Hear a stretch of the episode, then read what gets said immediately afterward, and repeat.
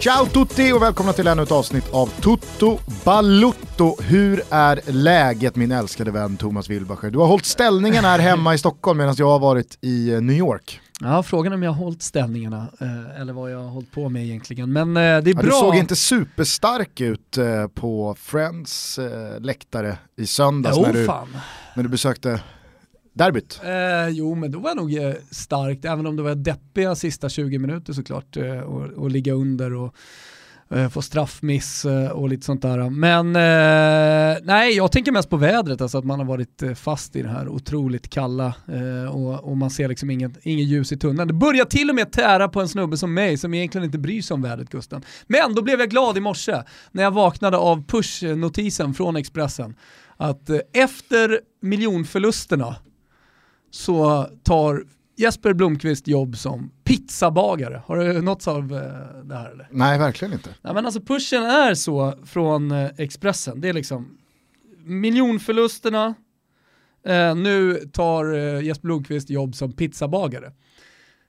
Då funderar man, jaha vad fan, ska, ska jag gå ner på Rönninge Bistro här så står Jeppe Blomqvist och, och slänger upp en calzone? Det första man undrar är ju, vad då miljonförlusterna? Alltså var han, var han, eh, han gjort dåliga investeringar? Ja, men han har väl gjort några dåliga, han har varit inne på det i någon intervju förut, han har gjort lite dåliga investeringar och tappat en del pengar och han menar på att här, jag kan inte bara sitta på latsidan resten av livet. Han var, inte, Men- han var inte med i Let's Dance alltså, för att han jo- tyckte det var en kul grej. Utan Jo, men han var... cashen skulle alltså, in. he- helt ärligt, alltså, jag, tror, jag tror att han var med också för att det var en kul grej. Och läser man lite den gamla intervjun, jag kommer inte ihåg var den gjordes någonstans, kanske var Expressen, som nu pushade det här, men, men då läser man mellan raderna så är det så här, ah, det går ingen nöd på Jeppe Blomqvist.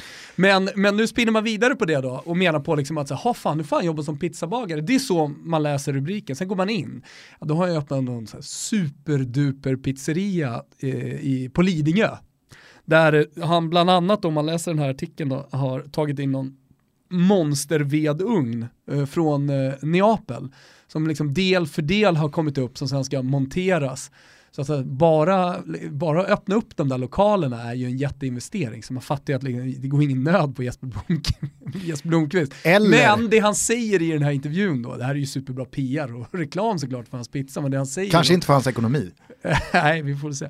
Men det är ju att så här, ja, än så länge så är jag inte bra på att baka pizza så jag får, får väl stå i kassa, men kanske framåt eh, våren här eller framåt hösten så kan man få en pizza bakad av Jeppe Blomqvist på en lördag. Så det, det är ju det är mer ett livsval. Sen känner jag ju folk som känner Jeppe och han är ju så här, ja, sommelierutbildad och har väldigt mycket efter karriären då ägnat åt mat och vin och, och alltihopa. Så det här var superrimligt att han skulle öppna en restaurang och dessutom då efter Parma-tiden och så vidare, Milano. Eh, kopplingar till det italienska köket. Nu vet jag också om att han gillar det italienska köket bäst, men, men det här är ju bara, det är, ja, egentligen, så här, re, egentligen den, den rätta rubriken här är att Jeppe Blomqvist öppnar en superduper pizzeria på Lidingö. Ja. Det, det, är det, det, det är det det är. Men det blev då, han, efter miljonsmällen, Blomqvist blir pizzabagare. Jag vill minnas, nu är inte jag någon Let's Dance-konnässör, men jag vill minnas att Jeppe Blomqvist inte var tilltänkt som ordinarie deltagare utan kallades in efter att Torsten Flink alternativt Johannes Brost, och då Just blir det ju det. lite morbid i och med att Johannes Brost gick och dog här för några veckor Just sedan. Nej, men han var väl med väl, Brosten? Alltså jag Det var Fli- nej, det var Flinken som ja. Ja, Torsten Flink klarade inte läkarundersökningen. Skräll. Han var med liksom i någon presentation i Nyhetsmorgon och var med på bilderna. liksom. Ja. Men sen så failar han läkarundersökningen och redo i kulisserna står ju Jeppe Blomqvist. Gick väl och vann hela skiten va? Ja, tror det. Så att, eh, ja, ja, det händer ju onekligen grejer i eh, Jesper Blomqvists Vet liv. vad, Kul! det, det får mig att tänka på en annan jävligt rolig grej. Eh, min tjej Helena, hon tittar på något som heter Bonusfamiljen. Jag har inte hängt med alls där, de har vunnit massa priser och sånt där. Det ska vara en bra serie. Så sitter jag och kollar med henne igår. Det var ganska lite fotboll. Eh, och eh, så är det då några tanter som är med i den här serien. De är ihop. Och den ena tanten är Lill-Babs. Och det som är så jävla roligt, det är att Lill-Babs i den här serien heter Gugge. Ja, visst. Fan, jag, jag, jag har gått och tänkt på det sedan igår. Jag, jag garvar säkert 20 gånger sedan det hände. Helena, Helena, hon heter Gugge, varför har du inte sagt någonting? Oh, men så kul är det inte. Ja, för mig så var det i alla fall roligt. Så två jävligt roliga grejer har hänt som gör mig ändå glad. Och att se då, tredje grejen, trestegsraketen till min enorma lycka trots derbyförlust och alltihopa, eh, att du är tillbaka från New York. Skönt att se dig. Ja, och det måste jag säga att eh, jag har ju i och med mina dagar där börjat glädjas åt eh, svenska fotbollsspelare som åker till New York. Alltså typ Anton Tinnerholm. Jävla uppköp. Mm. Han har gjort allsvenskan, han har gjort svensk fotboll, han har spelat Champions League med Malmö, han har vunnit eh, ett par SM-guld mm. med Malmö. Alltså, så det, de, de, lagen som i Europa finns, om man nu liksom ska börja ställa alternativ mot varandra. Ja. Tinnerholm har ju då kommit till den här insikten som vi har pratat om några gånger, som man ibland eftersöker bland fotbollsspelare.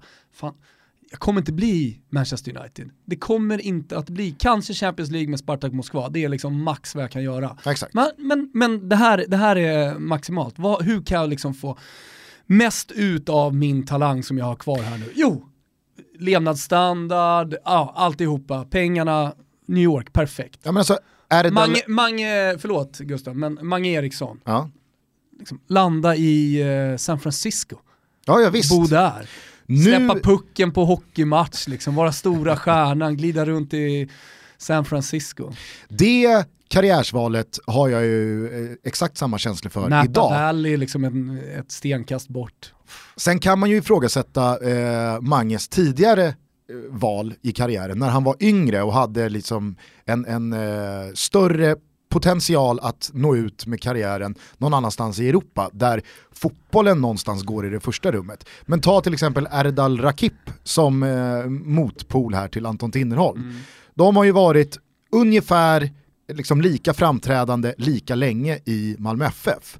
Eh, men den stora skillnaden är ju att Erdal Rakip har ju då åren på sin sida, så han mm. är ju tillräckligt ung för att såklart stanna inom Europa mm. och har ju faktiskt men det är väl Tinnerholm alla... egentligen också? Ja självklart, men jag menar precis som du är inne på, nej det kommer inte bli Manchester United, det kommer inte bli eh, ett, eh, ett topplag i Italien eller ett topplag i Spanien. Och då kanske det faktiskt är roligare för resten av sitt liv att ha gjort två, tre år i en av världens coolaste städer, gjort ungefär likvärdigt peng, alltså likvärdig mm. summa pengar antar jag som det är i Holland eller mm. Belgien eller Portugal eller ett mm. mittenlag i Italien eller vad det nu kan vara. Men att då bo på Manhattan, eh, du vet, ta med sig tjejen, eh, Jo Inge Berget har ju gått dit också och vad jag har förstått så är eh, dels de två jävligt goda vänner men deras tjejer är också väldigt bra vänner. Mm. Så de har ju den sociala biten på plats också. Mm. Eh, som svensk så liksom, är du ju redan all set med språket. Ja Nej ja, fan ja, alltså, jag, jag, jag, kände, jag kände när jag lämnade New York i, igår att fan, Anton Tinnerholm, eh, han, är man, han är man ganska ja, men Jag tror på. generellt sett liksom med MLS, eh, för de här spelarna Gustav Svensson och Ishizaki gjorde en eh, sejour i LA, på tal om liksom städer man gärna skulle vara i, och så Mange Eriksson. Ja, eh, Gustav Svensson eh, har väl inte varit i LA? Seattle, sa jag inte det? Nej, LA. Chippen Nej, var i LA. Ishi sa jag. Jaha, Ishizaki. Okay, ja, ja. Ishin i, Ishi i LA och, och nu San Francisco. Alltså, om man nu gillar USA och det är dit man vill, nu är alla olika, vissa kanske uppskattar att vara i Perugia och liksom lära sig italienska språk eller fan vet jag, åka till Mets och lira. Men, eh, men, men, som du säger, gillar man hela grejen med USA då är det ju ett drömliv och det, det, det, är, en, det är en supermöjlighet såklart att, att få spela fotboll och, och, och leva i en sån stad. Ja. För jag antar att du har haft det bra? Ja, jättebra. Eh, och men men liksom fotbollsmässigt så var det det jag landade i, att jag har ju alltid varit lite avigt inställd till MLS och känt att vad, är det här någonting egentligen? Men vad fan, alltså tar man det för vad det är som svensk fotbollsspelare mm. så är det ju ett karriärsval som jag tror smäller ganska så mycket högre än mycket annat. Ja, och nu finns det ju många bra exempel på många som har lyckats eh, och alltså, säga, sportsligt ändå lirat, ändå fått komma till landslaget, eller hur? Eh, och eh, en, en liga som kanske inte riktigt som många trodde då skulle växa snabbare och få högre status snabbare än vad den har fått. Eh, det var väl egentligen VM 94, då pratade man om att ja, men snart, inom tio år, då kommer, då kommer USA med all sin kraft, alla miljoner som bor i det här landet och hur stor den är på college-nivå, fotbollen, ja, men då, då, kommer det också att ge resultat i den nationella eh, stora ligan. Nu har det inte gjort det och det tar, tar längre tid. Perfekt för svenskar att åka dit. Och man märker ju att det är långt ifrån någon eh, sport, alltså fotbollsstad, väl, New York. Är det, är det Martin Åslund som fortfarande håller den fanan att MLS kommer? Vänta bara, jag tror det. Han eh, satt väl hos oss och berättade hur mycket han hatar Jo, jo, men han, han, jo, jag vet, men han menar på, han är väl en av de som liksom drar, drar ekonomiska kortet och liksom, eh, förutsättningarna för att skapa någonting jättestort. Ja, det är väl oundvikligt är att ett land med så mycket pengar och så stora resurser. för traditionens makt är så pass stor i fotbollen, det märker vi hela tiden exempel på. Jo, jo, verkligen, men det kan säkert komma vad det lider. Det får vi se. När det plöjs jag säger, så mycket. det kommer inte hända. Eh, jag skulle bara säga det att man märker i alla fall av att New York, det, det är långt ifrån en fotbollsstad. Ja. Det, det, var ju inte, det, det var inte direkt eh, oändligt med valmöjligheter för att se europeisk ligafotboll Asså. en helg i, uh, okay, i New York det, det på Manhattan. jag ändå att, uh, att det skulle, eh, med tanke på så mycket europeer som bor där Nej. och som härstammar i alla fall från Europa, man tänker på tal om då traditionens makt, att det har blivit nedärvt någon slags uh, fotbollsintresse. Ja. Men så är det inte i New York. Nej, vi hamnade på en bokeria i Soho en av dagarna och sen så började vi prata med ett amerikanskt par som, ja, men de var väl runt 40 bast, 45. Var det swinger, var, var det läge? ja, kanske. Men det slutade i alla fall inte med det. Men däremot så på en sån här, eh, ett ölunderlägg, en coaster, så var det då liksom Barsas spelare. Mm -hmm. Och då så började Bokeria, vi prata... är inte det en baskisk företeelse? Alltså, det är väl, utanför Spaniens gränser så är det väl en spansk ja, företeelse. Okay, okay. Skitsamma, då på en av de eh, underläggen så var det bara en bild på Messi i Barcelona-tröjan. Mm. Och efter att ha pratat om eh, våra olika jobb så när, när vi då... Vad sa du om ditt jobb? Ja, men när vi var på mig då så pekade jag då på right ölunderlägget. Fotbollskanalen is quite big, I have a blog there, I have a podcast, blog, podcast, what the fuck, what are you doing? Eh, när vi då pratade om mig så pekade jag på ölunderlägget och så sa jag så här, ja men vi, jag pratar mycket om den här killen till exempel. Ja. Och då tittade ju båda på underlägget och bara, and who's that? då känner man ju ja, så här, det är klassiskt. Okej, okay. ja. det var inte en bild på Jordi Alba. Nej. Eller, eh, inte vet jag, Rakitic. Men körde du, det var en bild kör, på Messi. kör man socker då liksom? Ja, ja. ja, ja. Är, och man hatar ju sig själv varje gång man byter. Ja, men du måste göra det förstådd också. Se den dit man kommer och allt det där. Skitsamma, jag gläds i alla fall med Anton Tinnerholm och Jo Inge Berget som har tagit sin business till New York City FC och Patrik Vieira som tränare och David Villa som eh, killer längst fram. ju, det tänkte jag säga som ytterligare då eh, en anledning att åka dit. Man får ju ofta spela mot och med stora spelare för de landar ju förr eller senare där, eller någon gör ju det. Eh, jag tänkte bara säga, sista glädjeämnet då, för våra lyssnare, vet du vad det är? Nej. I veckan kommer Ponne hit. Ja, mm. eller hur? Det Pontus blir Jansson, jävligt landslagets eh, mittback. Vi får se vad han har att säga om allsvenskan framförallt ser jag fram att prata lite med honom om. Eh, men också såklart situationen i Leeds. Ja, och framförallt kanske en sån här vecka.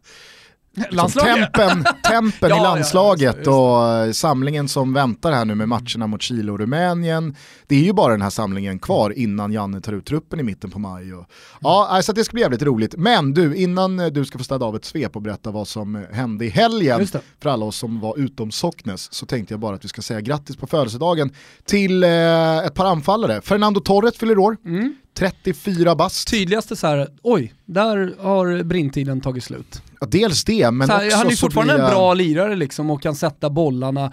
Han gör ju ändå några mål titt som tätt och när han kom tillbaka till Atletico Eh, så trodde ju inte jag alls att det skulle funka. Komma tillbaka, när han lämnade så var han så uppburen och ja, en av världens bästa, kanske världens bästa anfallare där när Spanien vann dubben och alltihopa.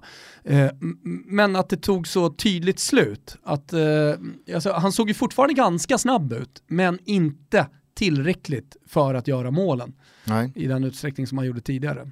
Nej men eh, hans kontrakt är på väg att gå ut här nu, mm. går ut i sommar och Diego Simeone har väl varit ganska tydlig med att det inte kommer att förlängas. Mm. Och då känner ju jag, som är en sucker för klubblegendarer och att eh, relationer dem emellan, alltså spelare klubb, bör vårdas mm. så att det inte liksom slarvas bort Vi har ju pratat om Raúl och Real Madrid, att de gick skilda vägar på ett sätt som, ja men det var bara ovärdigt ja, hela den karriären. Vi har varit tvungna att älta hela Francesco Totti eh, slutet och avskedet och alltihopa också. Så ja. att, eh, det finns ju olika varianter att göra det på. Exakt, och senaste åren så har det ju funnits fler exempel. Eh, Gerard, Liverpool, Lampard, ja. Chelsea, Del Piero, Juventus eh, och så vidare. Ja, och framförallt väldigt många stories som du är inne på här, alltså, som, som inte har förvaltats och vårdats. Eh, kolla på Paolo Maldini med, med mm. Milan till exempel, Milan har ju flera sådana.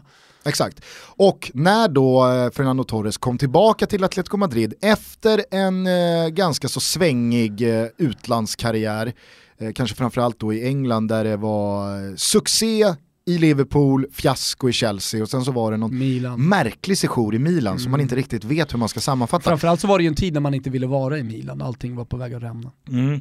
Eh, så kändes det ju ändå som att, ja men fan vad fint att han sluter cirkeln i Atletico Madrid, eh, han har fått vara med under de här framgångsrika åren, men när han då säger att ja, men jag är inte klar, mm. jag, jag ska inte lägga av, mm. så är det ju på väg att återigen bli en sån här situation där Atletico Madrid och Fernando Torres kärlekshistoria ihop kommer få ett lite så här nersolkat mm. slut. Så upplever i alla fall jag det. Och det vore ju synd, tycker jag, ifall Torres gör ett dåligt klubbval här. Kanske borde han bara dra över Atlanten till MLS. Ja men det är det jag tänkte säga, det blir, det, blir väl, det blir väl det i slutändan. Ja. Väljer, väljer lag efter stad så att säga. Mm. Ja, jag vet inte, det, det, vi pratade ju om Dirk Kuyt mm. i våras att eh, här har du ju ett drömläge att lägga av efter att ha vunnit mm. ligan då med ditt, ditt Feyenoord. Mm. Och så gjorde han det och så kände man att fan, Dirk har ju koll på grejerna. Fan när han skulle presenteras och det skulle åkas helikopter in och så hade man ju samtidigt gjort klart med Simon Gustafsson. Så att han hakade ju liksom på den här helikoptern, vill jag ändå minnas, eller så är det så att jag skapar med den här historien. För jag, jag vill det, men, men jag vill ändå minnas att han kommer in på helikoptern, men det är också ett till eh, nyförvärv med. Simon Gustafsson. Ja, alltså där borde Som för övrigt går bra nu i Holland hörru. Vi ska hålla ögonen på honom, vi ska inte glömma bort Simon Gustafsson. Nej. En av våra största talanger från den årskullen eller eh, de åren där runt 95. Ja, nej, verkligen. Från eh, Fernando Torres till Simon Gustafsson är det ibland inte längre än vad man tror.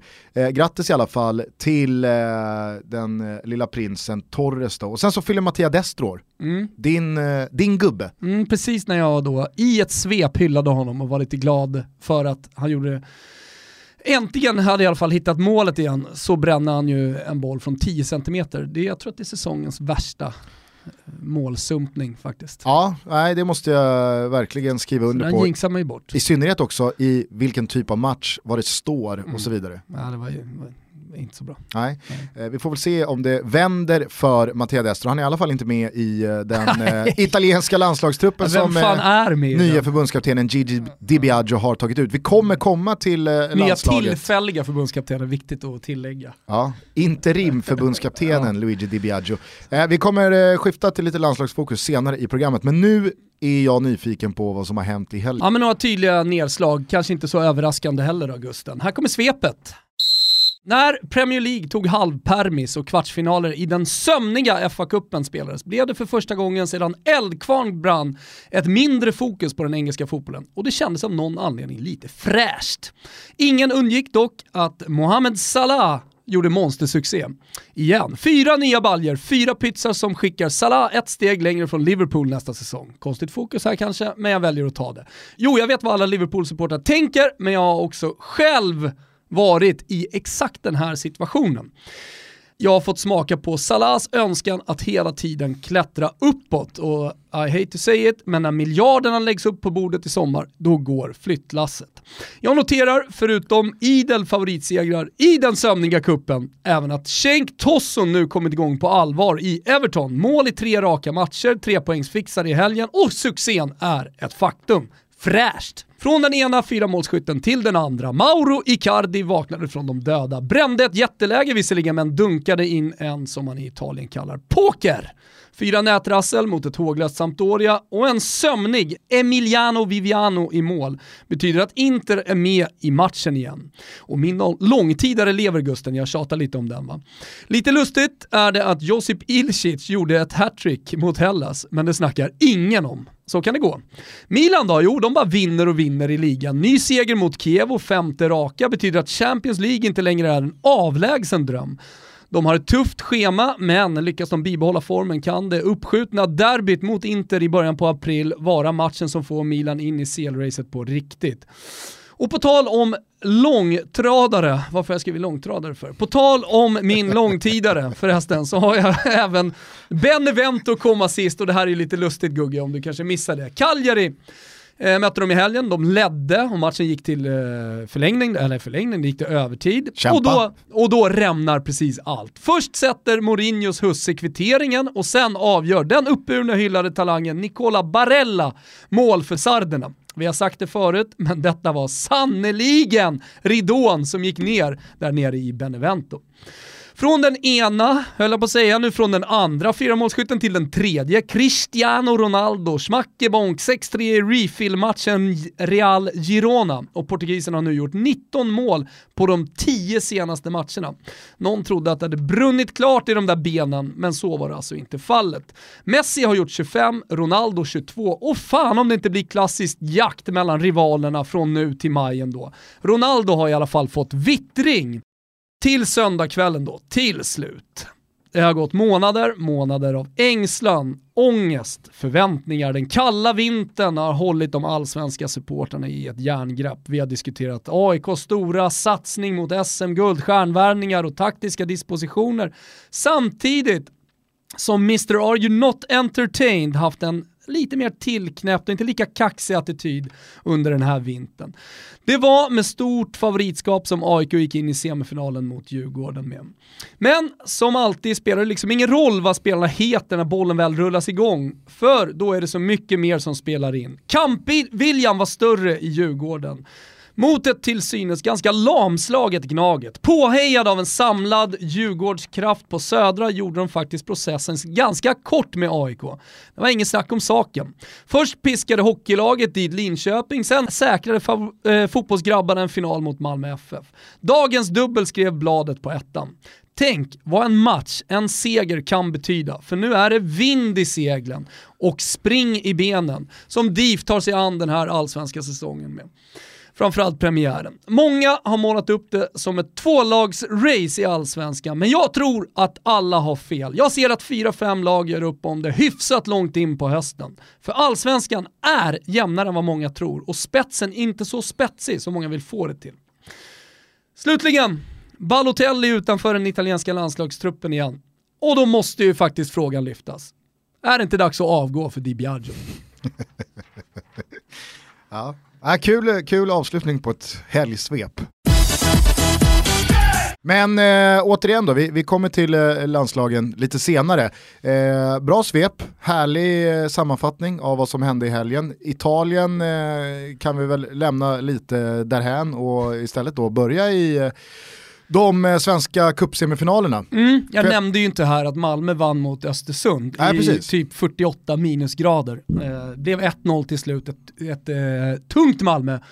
Eh, jag vet inte, du, du kunde inte se målen, men, men det var ju sådär. Östersund som trillade fotboll så som man gör, men inte riktigt har spetsen och får inte riktigt till det. Jag tänkte lite när jag såg matchen på Manchester United-Liverpool alltså nu ta det lugnt med eh, att såga mig här nu för att jag, jag jämför lagen, men jag säger att jag tänkte lite på den matchen. Känn på nyanserna här hörni gubbar och tjejer.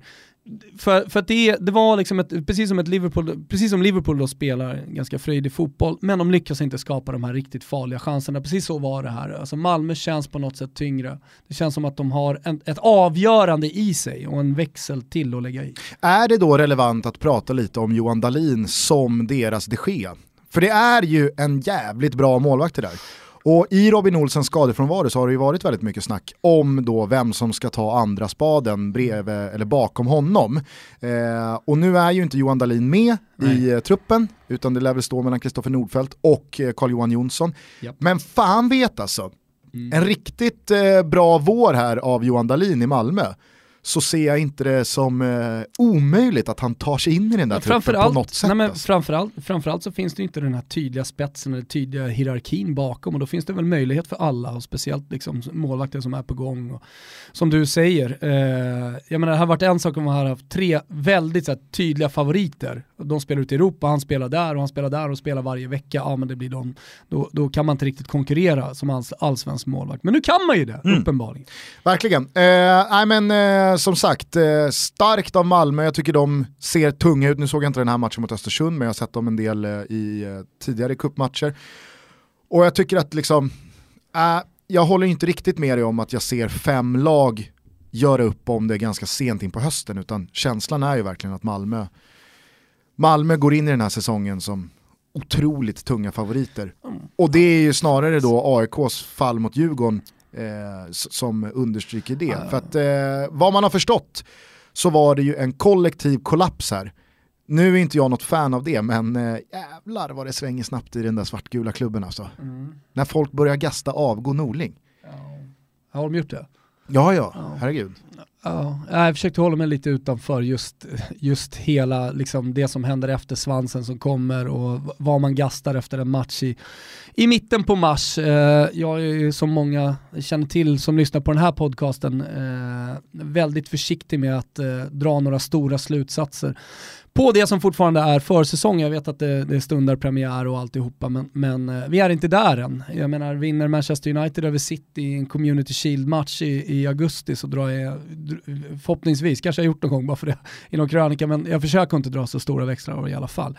Eh, sen, så, sen så måste man analysera läget och det är ett Djurgården som gör det jävligt bra. Det är ett Djurgården som, som, som är betydligt bättre eh, eh än AIK. Eh, och det är därför man vinner den här matchen, ingen annan anledning. Och den spetsen som AIK har värvat in, den var inte så spetsig. Och det, det är därför också jag tror att, eh, alltså så här, om, om du kollar på City, Real, PSG eh, och så vidare, alltså de stora jättarna ute i Europa, ja, men då kan du faktiskt värva till det sån extremspets att, att du vinner ligor med det eh, och du vinner ganska enkelt, kolla på Bayern nu eller varje liga, i alla ligor är ju i stort sett avgjorda. Men i allsvenskan så väger kollektivet betydligt tyngre, en tränare väger betydligt tyngre eh, än eh, än en spelartrupp faktiskt. Det är, det är såklart grunden till allting, vilka elva spelare man startar med. Men, men, det betyder inte lika mycket att man har värvat Nabil, eh, Tarik, eh, som på pappret känns lite som att, så här, kolla här kommer eh, en Neymar och, är du med? Mm. Eh, en, en eh, Jesus in, in, in i AIK-truppen. Men, men eh, jag, jag, tror att det, det, det i slutändan är inte så spetsigt som man vill få det till. Det som fascinerar mig med Djurgården det är ju att de ser ut och spelar en fotboll som inte riktigt stämmer med deras trupp. Kollar man igenom eh, startelverna som har varit under den här kuppen så ser det ju inte ut att vara ett lag som ska vara tunga att möta, som ska vara fysiskt starka, som ska vara mm. riktigt jävla liksom, jobbiga att möta. Mm. Man tittar igenom laget och man ser liksom Jesper Karlström, Kevin Walker, Tino Tenda Kadewere och mm. eh, Jonathan Augustinsson och Andreas Isaksson. Alltså det, det, är inget lag som riktigt skrämmer. Där Nej. finns en Jonas Olsson som lagkapten och som manar på och driver på, absolut. Men ser man på laget och hur de har genomfört den här kuppen så ser det ut att vara 11 Jonas Olsson som har spelat. Och jag pratade med Fribbe, inrikeskorren, eh, inför eh, kuppkvarten mot Häcken. Och då sa han det, det är jävligt, eh, det är jävligt läskigt med Djurgården. Alltså för att man tror inte att de ska vara så tunga att möta som de är. Mm. Eh, men de är verkligen ett riktigt jävla benhårt kollektiv som gör jobbet och där eh, tycker jag att Öskan förtjänar cred också. Mm såklart han ska ha det. Sen är det intressant att du nämner Isaksson här och på tal om spets då, så tycker jag att det är en spets som Djurgården har som verkligen sticker ut i, i årets allsvenska och man ska absolut inte underskatta vikten av att ha en riktigt bra målvakt. Uh, jag, jag, tycker fortfarande att, uh, att Isaksson är vår bästa, Sveriges bästa målvakt. Jag tycker att Janne Andersson kanske bör då i det här läget med skador och så vidare bara stämma av med Isak igen, så fan är du motiverad?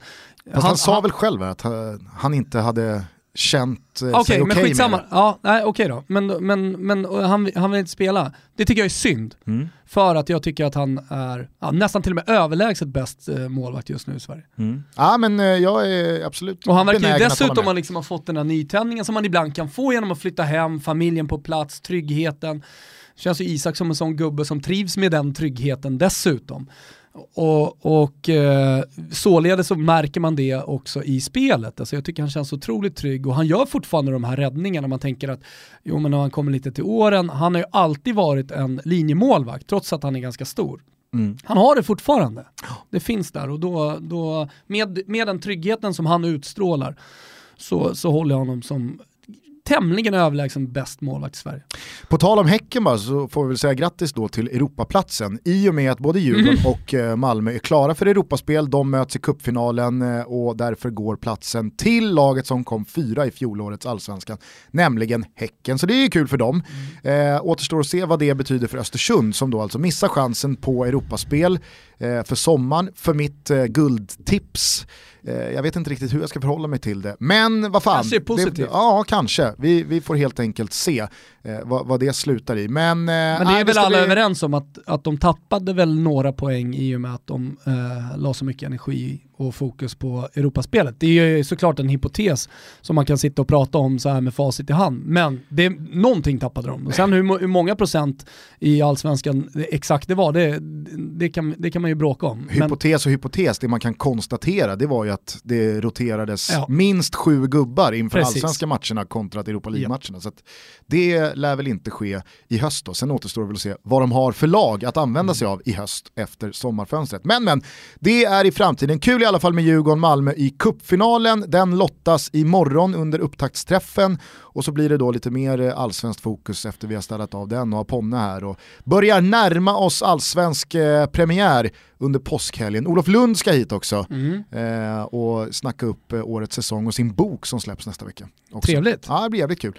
Tillbaks till ditt eh, svep och det internationella fokuset. Eh, så, du har ju mycket fyra målskyttar. Som, ja, som och lag. en av dem, Cristiano Ronaldo där, fastnade för. Jag tror också att han är jävligt sugen på att tävla med Messi om en skytteligatitel. Men här lär väl Zinedine Zidane kliva in igen och visa vem som bestämmer och lägga fokus på rätt saker. En skytteligatitel för Cristiano Ronaldo eller inte, det är inte viktigt. Nej, men samtidigt så nu känns väntar... det också som att så här, han behöver den här speltiden, han behöver det här självförtroendet som han samlar på sig för att hitta den här eh, liksom extrema formtoppen inför slutet. Tror du inte det? Ja. Så att han ändå får luftas i ligan och, och kasta in ett par baljer per match. Det är ju det han har gjort nu, sista, jag, jag räknar ju bort honom helt från från skytteligatiteln för eh, bara ett par månader sedan när Real dessutom som lag såg, såg dåligt ut. Nu, nu, nu är man tillbaka och han också. Och, alltså, det spelar ingen roll, jag vet inte fan om ens Zidane bestämmer det, jo det gör han väl i slutändan. Men, men vill han vinna skytteligatiteln och spela mellan matcherna också eller? Jo, fast samtidigt har ju Zidane redan, alltså med två veckor kvar, mm. eh, lite knappt, pratat om att nah, men, eh, det, det, kan nog bli så att han eh, vilas mot Las Palmas för att Juventus är några dagar senare och det förstår man ju. Mm. Och det var ju det som jag tror var avgörande i fjol, mm. att Zidane kom in och verkligen lärde Ronaldo att du kommer inte spela varje match. Jag kommer byta ut dig och jag kommer rotera dig för att jag vill ha dig som bäst när det verkligen gäller. Och jag lovar dig, det är betydligt roligare att lyfta bucklor än mm. att göra mål varje helg. Jo, jo. Ja men så, så, är det såklart och hans egna driv att vinna skytteligatitlar kanske får vara sekundärt då.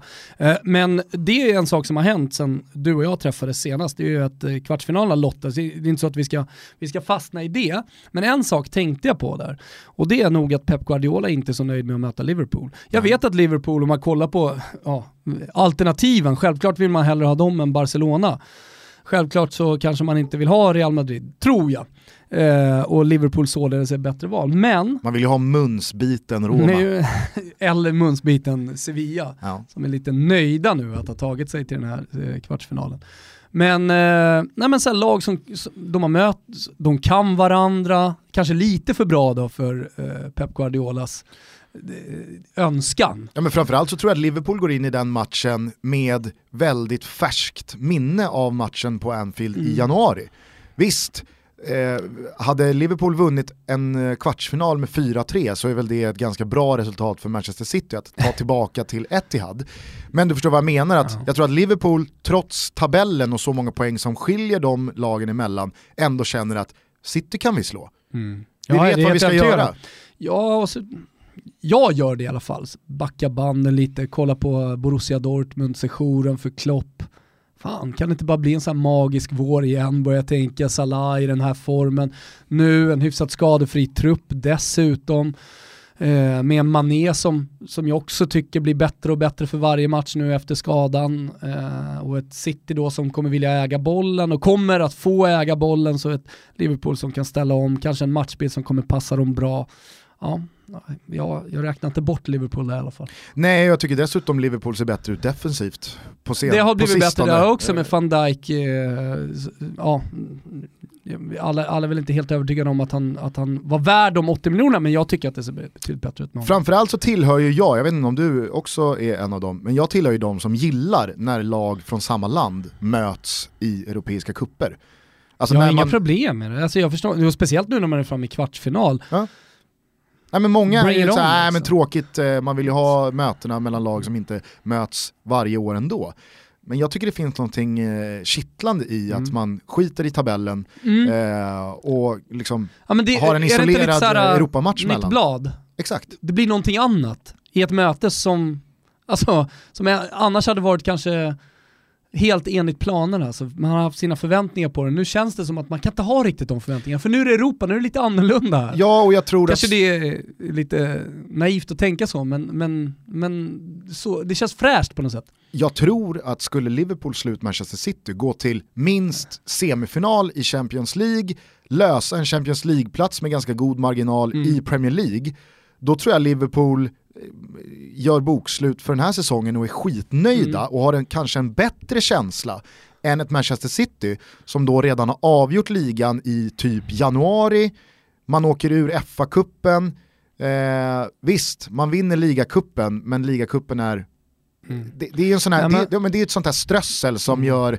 en riktigt bra glass lite godare eller en lite halvdeppig glass till en god glass. Men det blir ju, ja. Men man, om, om man skulle då åka ut Champions League i kvartsfinalen, man åker ur FA-cupen och man har en ligaseger som inte har det här rafflande slutet utan bara är en transportsträcka som är imponerande i sig. Och jag menar så här, det, men jag tror att man kanske går i mål då med en liten annorlunda, med en mer dämpad känsla kanske. än Liverpool-supporter. Ja, och jag vet inte hur mycket man ska fundera på det, men det här med att Pep Guardiola inte lyckades ta Bayern München hela, riktigt hela vägen. Jag vet att det är någonting annat här nu med, med City och han har fått tid och han ska bygga och så vidare, men jag tycker att det, att, att det känns som att den här säsongen borde man ta sig i alla fall hela vägen till finalen. Mm. Ja, ja. För att man inte ska börja eh, spekulera. Håller det verkligen hela vägen in på våren för Pep Guardiola? Nej. Ja, det, det, blir väldigt spännande. Eh, jag tror att det blir jäkligt jämnt också mellan Real Madrid och Juventus. Jag tror inte Allegri går i samma fälla en gång till som han gjorde i eh, våras i Champions League-finalen.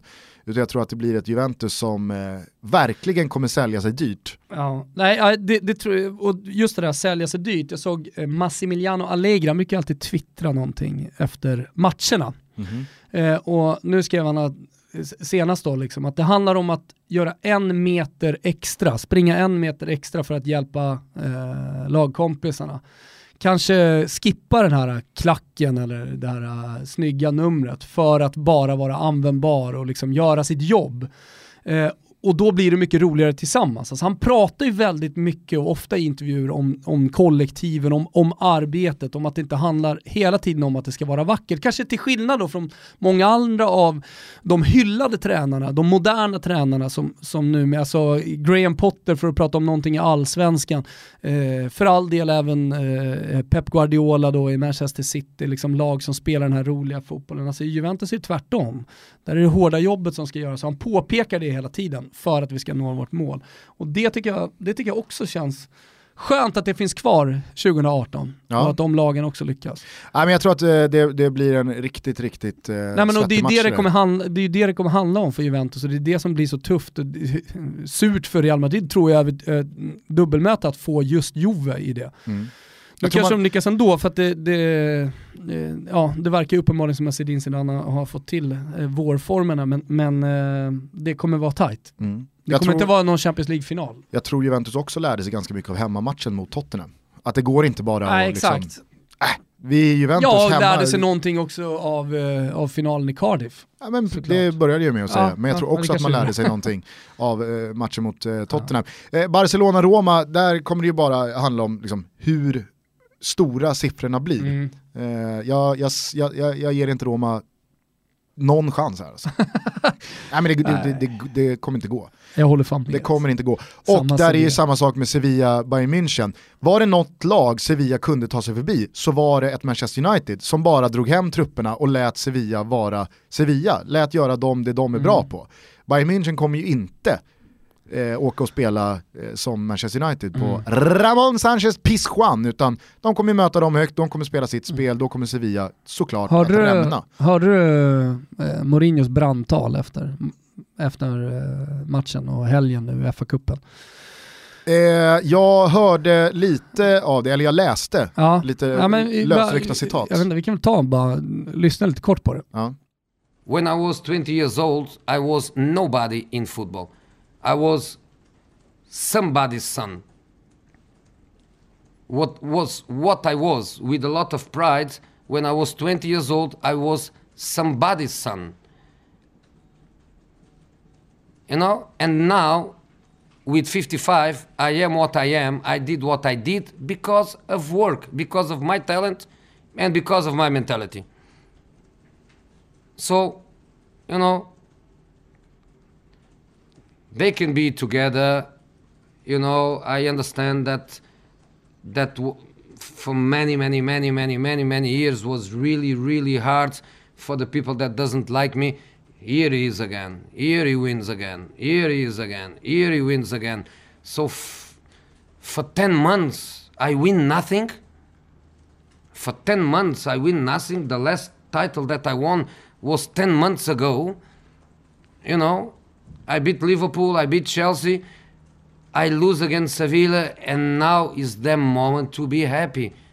Okay, you know, I also learned that in my religious formation be happy with the others' happiness, even if the others are your enemies. So, so be it. I am a, a very lucky guy, and I'm really happy to be what I am. Det var ju ändå alltså, ett slags brandtal, han pratade om att han är, ja, han är son, eh, han är fortfarande, eh, alltså, han, han, han vann en stor titel som Europa League ändå är för, för mm, bara tio månader sedan, eh, som han själv säger. Eh, han vann flera titlar sitt första år, okej han var inte med i racet i Premier League, han åkte ut mot Sevilla, visst det är ett misslyckande men, men, men han menar ju på att jag är här för att stanna och jag fortsätter att jobba vidare. Men precis som eh, det blev lite besk smak i munnen av att AIKs avgående ordförande Per Bystedt helt plötsligt skrev ett öppet brev till eh, alla medlemmar efter att då Simon Strand presenterade en alternativ styrelse. Då var det liksom dags att snacka. Så känns det ju här lite som att efter den presskonferensen han höll post Sevilla-matchen, som blev väldigt, väldigt kritiserad, så får man ju ta de här orden och det här brandtalet som du Jo, kallar det, med en liten nypa salt. Absolut, men precis som allting ska nyanseras så tycker jag att absolut bilden av Mourinho också ska göra det. Jag vet jag skrev en eh, krönika efter Liverpool-matchen där jag hyllade Mourinho och menade på att det här var första gången jag kände att fan, det, det, det kanske ändå inte är slut. Eh, det, det, finns någonting med Mourinhos fotboll som faktiskt fortfarande funkar också. Mm. Eh, och, och jag ska absolut inte att så här, ja, men nu, nu kommer United och nu kommer de vinna ligan och han är bäst eh, när det gäller som mest, för jag använder det uttrycket. Utan jag menar just, han har det fortfarande, han kan vara bäst när det gäller som mest. Det är en match mot Liverpool. Eh, den betyder otroligt mycket och jag tror att prestigemässigt den här andra platsen eh, som jag skriver också i den här krönikan, betyder jättemycket för både Liverpool och för Manchester United. Visst, det är fortfarande en andra plats, det är ingen, det är ingen titel, men jag tror ändå att eh, supportrarna i alla fall värderar andra platsen eh, på något sätt, Ja. hyfsat högt. Och, och, nej men, och då kan jag inte riktigt förstå liksom, hur folk då fastnar vid meningar, jag klarar inte av det. Att allting hela tiden ska vara svart eller vitt. Ja, du får torska mot Sevilla några dagar senare och, och, och folk garvar åt den och, och menar på att så, "Ha, vad- skulle inte han vara bäst när det gäller som mest? Ja, Jag skrev att om du läser hela krönikan och inte bara rycker ut någonting så skriver jag att han är det i den matchen. Och att det finns faktiskt kanske fortfarande en tillstymmelse till det här kvar i, i José Mourinho. Och då blir jag lite förbannad. Alltså folk pratar hela tiden om att eh, journalister hit och dit och krönikörer och ni ska slå på stora trumman. De menar på att jag slår på sto- stora trumman här nu. Nej, ni, ni som inte kan läsa i så fall. För läs hela, jag, kan, jag skulle kunna läsa upp det nu, ska jag inte göra för det blir jävligt tråkigt. Men, men eh, alla som, framförallt Liverpool-supporterna i det fallet, men det, det, har ingenting med dem att göra för det där händer hela tiden. Läs hela jävla krönikan istället. Mm. Och, och, och se nyanserna i vad fan jag menar. Kokar upp en liten gulasch här. Nej, jag vet fan, men det är så jävla tröttsamt. Och det ja. blir ju sådär jämt. Och nu när allsvenskan börjar så märker man ju att vad du än skriver, vad du än säger, så kan det vridas åt eh, ett eller annat håll. Ja. Och, då blir, och det, det, det, det, ska man ju leva med. Det, det, är inte så att jag inte kan göra det. Det är inte så att jag sitter där varje vecka uh, och, och beklagar mig. Och jag beklagar mig inte heller, utan jag blir, det är mer att jag blir förbannad. Sen är ju liksom de här alltså, snacket som går när det väl finns ett facit, det är också tröttsamt. Ja. Det, det, är liksom, jaha. Ja. ja. det är väl klart att om, om man bara ska vänta in allting och utgå från vad som jo, faktiskt men... blev, då kan man ju, alltså så här, jävla meningslöst. Ja, jag, jag hade till exempel fel om uh, Mourinho när han kom till Manchester United efter den här Community Shield, efter inledningen så trodde jag fan det här kan nog bli bra. Och sen så ja, kan man ju diskutera vad det har blivit eh, självklart med Manchester United. Men, men jag drog nog på lite för stort och jag är den första att säga det då. Ja, det, där, där hade jag nog lite fel. Jag, jag, jag har varit ganska öppen, i, men du och jag har ju dragit ner brallorna ganska många gånger i den här podden och varit öppna med när vi, när vi är snett på det. Ja, ja, och jag kommer fortsätta vara det, jag har inga problem med det. Men jag tycker inte att man kan, eh, man, man kan kritisera en formulering nej, nej. som är utdragen. Nej, absolut inte.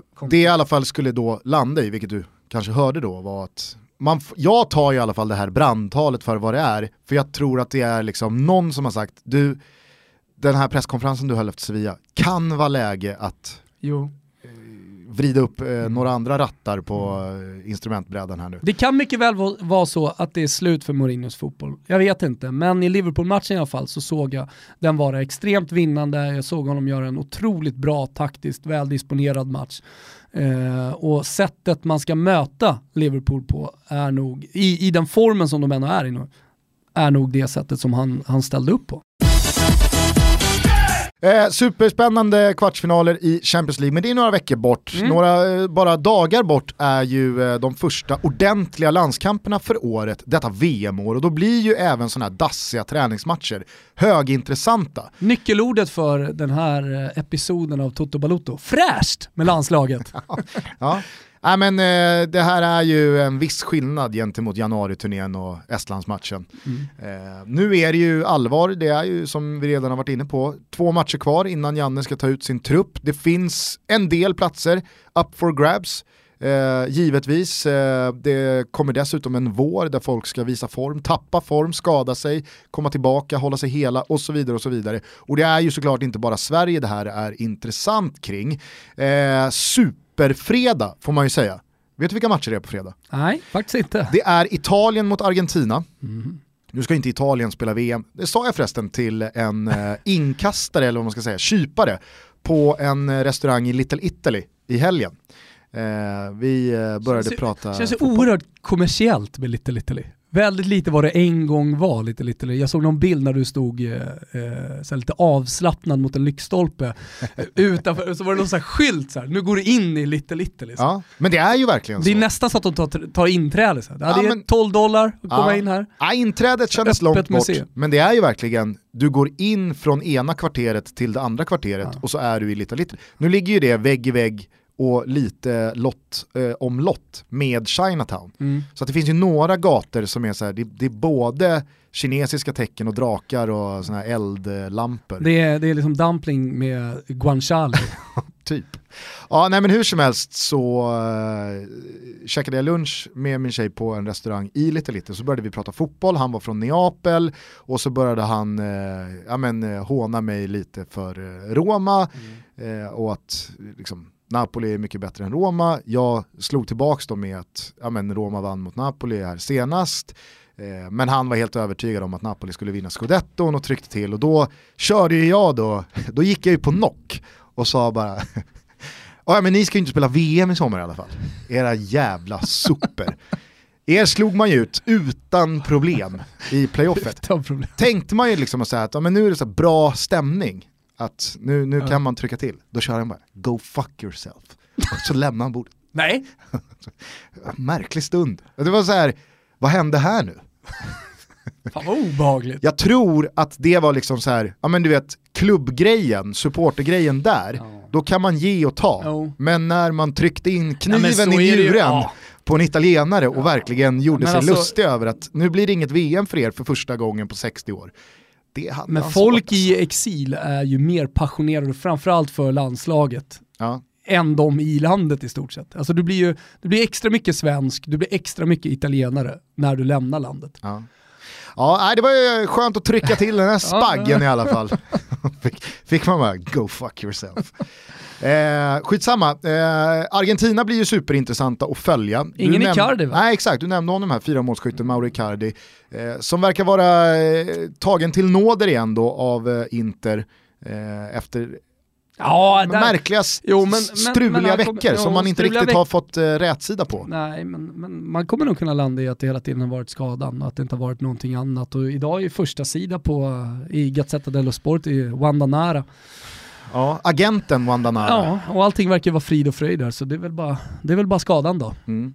Eh, hur som helst så är han inte med i den argentinska landslagstruppen. De har valt att plocka ut Messi, Iguain, Dybala och eh, Di Maria. Mm. Eh, det får man ju säga är en ganska potent... Ja, Kvartett Icardi, ändå. Icardi kan få komma till Sverige. Hur menar du? Ja, svenskt medborgarskap, det går väl att lösa på några månader. Ja. Om man inte får plats i VM. Jag såg för övrigt att Andrea Belotti eh, hade varit intervju inf- eller alltså nu inför den här matchen mot eh, Argentina eh, och då fått frågan om Sverige och, och sagt att jag, jag kommer aldrig i hela mitt liv sätta min fot i Sverige förutsatt att Italien inte spelar där. Men jag skulle aldrig åka dit ens på semester. Nej. Det sitter djupt nu hos italienarna. Vet du vad man säger till Belotti då? Nej. Go fuck yourself. Nej men Eh, visst kan skadan eh, hänga ihop med den här eh, icke-uttagningen men det blir ju ruskigt intressant att se Mm. vem som inte får åka med till VM i sommar. Jag har ju börjat eh, sätta mig ner med eh, det som kommer bli Expressens eh, VM-guide, super-VM-guide med genomgång av alla lag och så. Och det är ju liksom den svåra grejen i maj blir ju att själv ta ut 23-mannatruppen och man älskar ju de eh, förbundskaptenerna som sätter den officiella truppen innan deadline. Man Mm. blir ju så jävla glad för då vet man här kommer jag inte ha fel.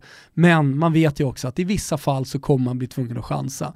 Det är väl inte hela världen om du inte sätter 23 stycken i Panama, eller hur? Nej. Alltså det, det, det får ändå gå, men du vill ju så gärna sätta storlagen. Eh, och det blir nästan prestige i det ju också, att ha så många rätt som möjligt såklart. Såklart. Men, eh, och där, där brukar man ju få en del skit, du vet, n- när det väl kommer. Några som aldrig får skit däremot, som sätter ännu tidigare, det är ju Panini. De har ju för fan inte satt en jävla trupp någonsin, men där går det bra. Ja. Nej, men de tar ju ibland lite försäkring också och kör några färre gubbar än egentliga truppen.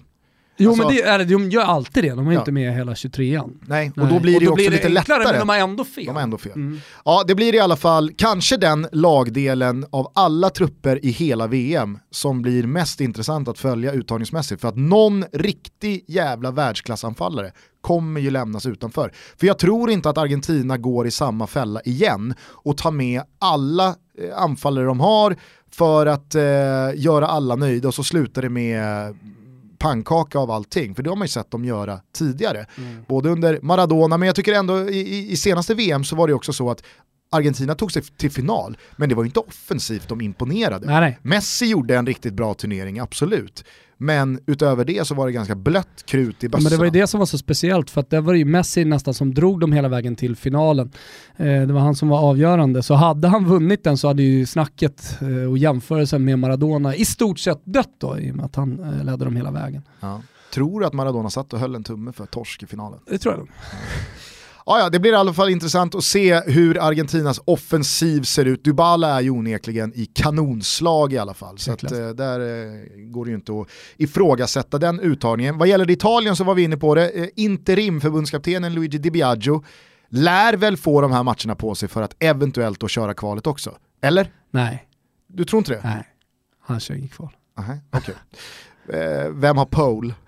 Ska vi säga att Mancini kanske har pole va? Ancelotti, Mancini, Conte. Det är väl där någonstans. Sen att om Conte skulle vilja gå tillbaka till landslag igen, ja det kanske känns lite långsökt, men... Eh, Vad har vi förresten för status på Ventura?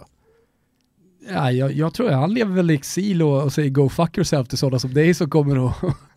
kan ju tänka då, Ventura, vad du hade fått av Ventura hade ju varit både lavett och spark i baken och punggrepp och hela, hela faderullan va. Han kanske också ska göra som Torres borde göra och som Tinnerholm har gjort. Köra ja. New York. Ja, där har du det. Lite, lite. Och man kanske komma då en, en Tinnerholm och en Jesper Blomqvist. Pizzeria i Little Italy. Vägg i vägg med ja, Chinatown. Vägg i vägg med Chinatown. Ventura blir pizzabagare. Ja. Stå och oja sig ja. över vad fan som händer. Ja, eller så finns det väl eh, kanske öppen plats eh, på Lidingö hos Jeppe. Jag måste bara säga det angående Italiens trupp. Jag vet att du har några eh, käpphästar där, bland annat då att Balotelli inte är med. Men vad fan gör Gigi Buffon i den här truppen? Nej men han ska ju också vara interim-keeper. Ja, men det... Han ska det... vara såhär, jo men ska föra det gamla arvet vidare in i framtiden. Men han slutade ju, han tackade för sig, det här grät. var hans sista landskamper. Yep. Det blev inget VM, han stod och ja. grät som... Ja men nu är det mer såhär, ja, men nu Hörru, du använde precis krokodiltårar helt fel. Ja jag vet, jag ja. vet. Det... Vad, är det, vad är det mer man brukar göra? Björntjänst? Björntjänst och du vet ju inte när man säger, alltså du säger ju trumfkort. Ja. Nej, du säger triumfkort. Ja, triumfkort. När det är och trumfbåge. trumfbåge och triumfkort.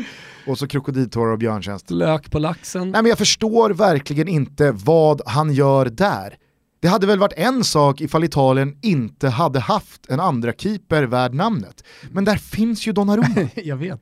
Varför inte bara börja spela Donnarumma? Men det kanske de kommer göra. Tack och hej, ja, men om, om, han, vad gör det, Buffon? Då är det ju ännu sjukare. Han är, han är där som ledargestalt. Han är där och tar sitt ansvar, det är vad han gör.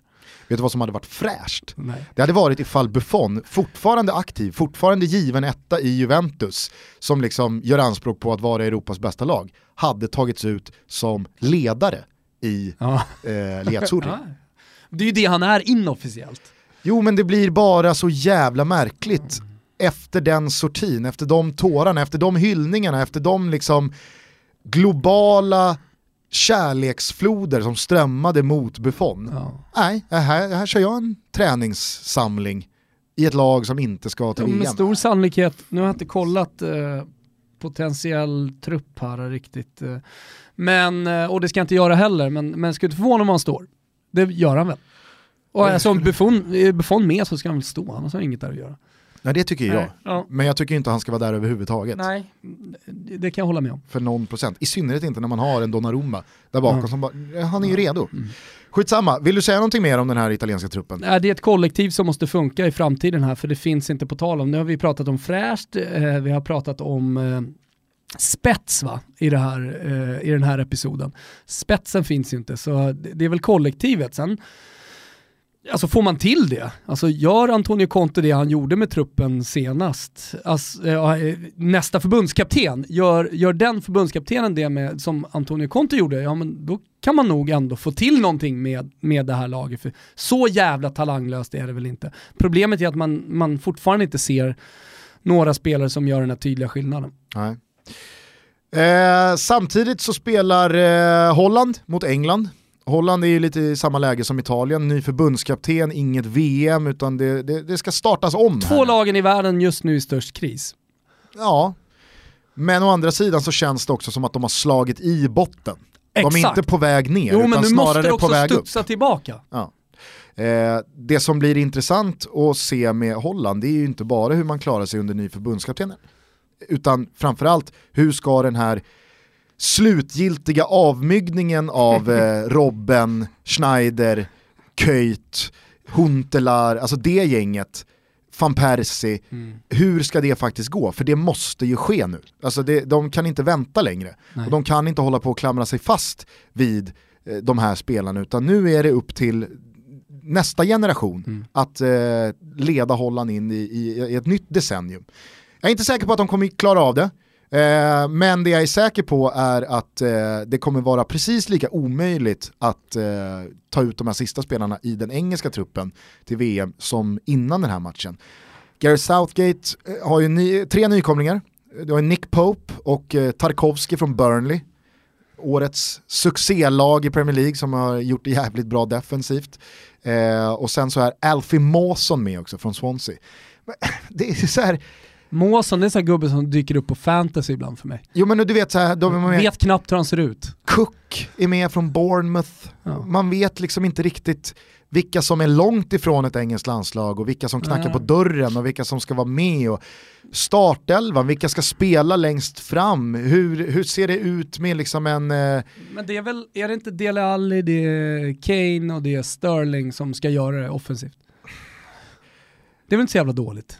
Absolut inte, men var, var, var placerar man en eh, Jordan Henderson och Lalana och Är Lallana med? Ah, Lallana är med. Oxlade Chamberlain och... Ja. Det, är, det är så jävla svårt med, med England. Liksom. Ja. Gary Cahill, är han, är, han liksom, är han en chef i, i eh, landslaget? Eller är han ifrågasatt där också efter en svajig säsong? Alltså det är Jag fattar vad du menar. Joe Hart är Mm. med i landslaget efter en katastrofsäsong. Men Ännu en vet, vet jag också katastrofsäsong. vet Gusten? Nej. Samtidigt som sitter och säger det här så vet jag att du och David Fjell har bara suttit och kollat på varandra, sett England spela och så har ni bara nickat. It's coming home. It's coming home, 17 gånger degen Ja. senaste oddset jag såg. På tal om eh, eh, 17 gånger degen, eh, på tal om eh, Robben, Ja. så tänkte jag, vi är ju sponsrade av Betsson.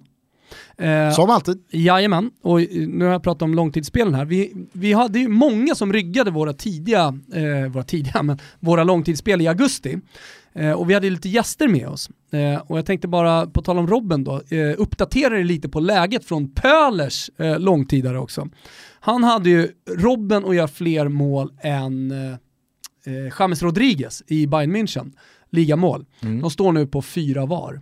Han hade Vidal att, göra, eller att ta 6,5 eh, över 6,5 kort. Han står nu på 6. Ja.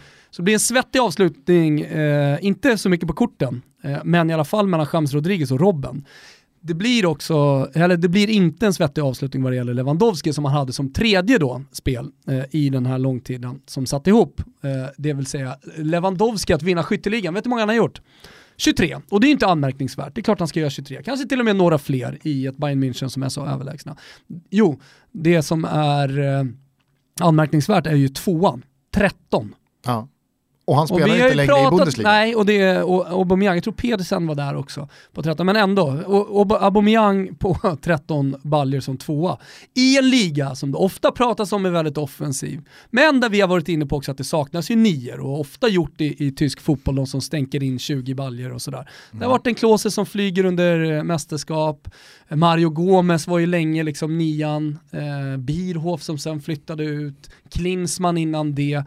Men det är någonting, ja men jag går tillbaka, backar bandet lite med Som du nior backar här. bandet, Jo, ja. ja men så här, några, några eror. Ja. Eh, Det, det är någonting med tysk fotboll och, och de där. Men det Gerd måste man säga. Müller då om man får säga, han flög.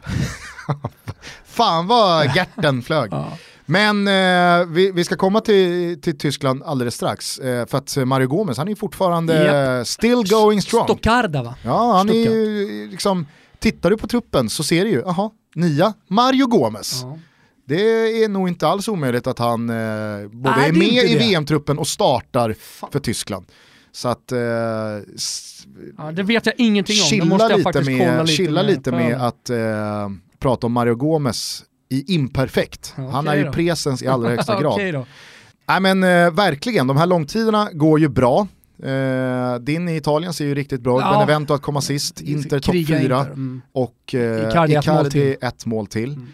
Min långtidare i Premier League såg ju jävligt bra ut, men det är ju Pogba Mm, han ska göra som håller mål. på att eh, fucka upp där. Det, det trodde jag inte, inte efter den starten heller i höstas när han såg glödhet ut innan den där skadan. Inte lika eh, långa spel, men ändå lite långtidare var ju mina CL-specialare i åttondelsrundorna. Satt som en smäck. De rättade vi till slut, Bayern München gjorde jobbet borta Ja. mot Besiktas. Eh, och jag gick i mål då på 18 mål. Ja. Eh, vi hade ju över 15,5. Men också att gå vidare fyrlingen. Ja, Den satt ju bra. Snyggt. Det var ju Eh. några sena gå vidare där och eh, Roma satt väl långt in, men det var snyggt spelat. Och från det ena spelet till det andra, tacka till alla som har deltagit i Toto-cupen i helgen. Det var ju ett upplägg som uppenbarligen uppskattades. Ja, tack till alla de drygt 800 Mm. som var med. Tack till alla de drygt 800. Det var ganska förvånansvärt få kvar på söndagen. 13 stycken som var kvar och gjorde upp om det till slut. Det visade sig vara eh, en som hade gått på lite mer safe sida, inte så höga odds, som vann eh, till slut. Och i och med att det uppskattades så mycket, jag gillar spelformen, det är inte så mycket pengar som ska investeras, så det är ändå många som kan vara med. Eh, förlusten är inte så höga om, det, om man skulle gå bort sig. Man får spela ganska låga odds. Jag tror att det är någonting som vi ska fortsätta med. Vi ska prata med våra vänner på Betsson och så ska vi se om vi kan komma tillbaka med en revansch i Toto-cupen för alla som inte då gick hela vägen eh, inom en snar framtid. Ja, och sen så säger vi väl då ett stort grattis till Peter Blad ja. som vann. Grattis Pettan! Två platser på Etihad Stadium senare i vår i ja, Betssons VIP-box ja. Eh, till eh, Manchester-derbyt mellan City och United. Det är ingen dålig vinst Nej. utöver cashen som drogs in. Så att, eh, grattis till Peter. Eh, vi hoppas på en ny kupp snart, men till helgen så blir det vanliga Toto-tripplar. Kanske kommer vi då fokusera lite på de här fredagsmatcherna i och med att de är så vassa. Mm. Eh, fortsättningsvis Frankrike mot Colombia, Uff. högintressant. Eh, dels i Colombia då, som eh, alltid pratas om som en underdog från Sydamerika. Det är ju såklart väldigt lätt att fastna i Argentina och Brasilien. Mm. Men tittar man på truppen, herregud vilket lag Colombia har alltså. Ja, verkligen. Speciellt startelva då. Så Frankrike med bredden, jag såg de brukar alltid komma ut eh, när man sätter en startelva och sen så fyra ersättare på varje position. I Frankrike kunde man ju faktiskt göra det ja. och ha fem stycken olika elver som faktiskt hade varit riktigt bra. Det är nästan eh, sen, norsk eh, längdskidåkningsklass, du vet, de skulle kunna ställa upp i OS med, med tre stafettlag och komma guld, silver, brons. Eh, alltså där är nästan Frankrike. Ja, inte minst i offensiv riktning. Äh. Jag tror dock att eh, vi har sett Olivier Giroud liksom vara byggstenen centralt i anfallsleden för sista gången. Nu pratas ju väldigt mycket om Kylian Mbappé, att han ska axla den rollen och spela central anfallare till skillnad då mot vad han gör eh, till vardags i PSG. Det vinner man inga VM-guld med, tror jag. Inte än. Nej, kanske inte. Å andra sidan så är det ju så att Griezmann ska ju in där. Uff, eh, Lacazette har ju gått bort sig totalt, eh, inte bara... Ja, men nu har jag varit skadad också, totalt ska vi väl inte säga. Han spelade ju ett, i ett svagt spelande, svagt spelande, men ett svagt Arsenal. Det var ju ändå så att han var ju med liksom i samma eh, krets som eh, de, ja men precis bakom Kane, länge. Ja, absolut, men gått bort sig totalt är väl inte det är väl inte helt fel om man pratar kring eh, Alexander Lacazettes möjligheter till att vara given i ett franskt landslag. Nej, nej. Där har det ju inte blivit nej, nej. jätte, jättebra.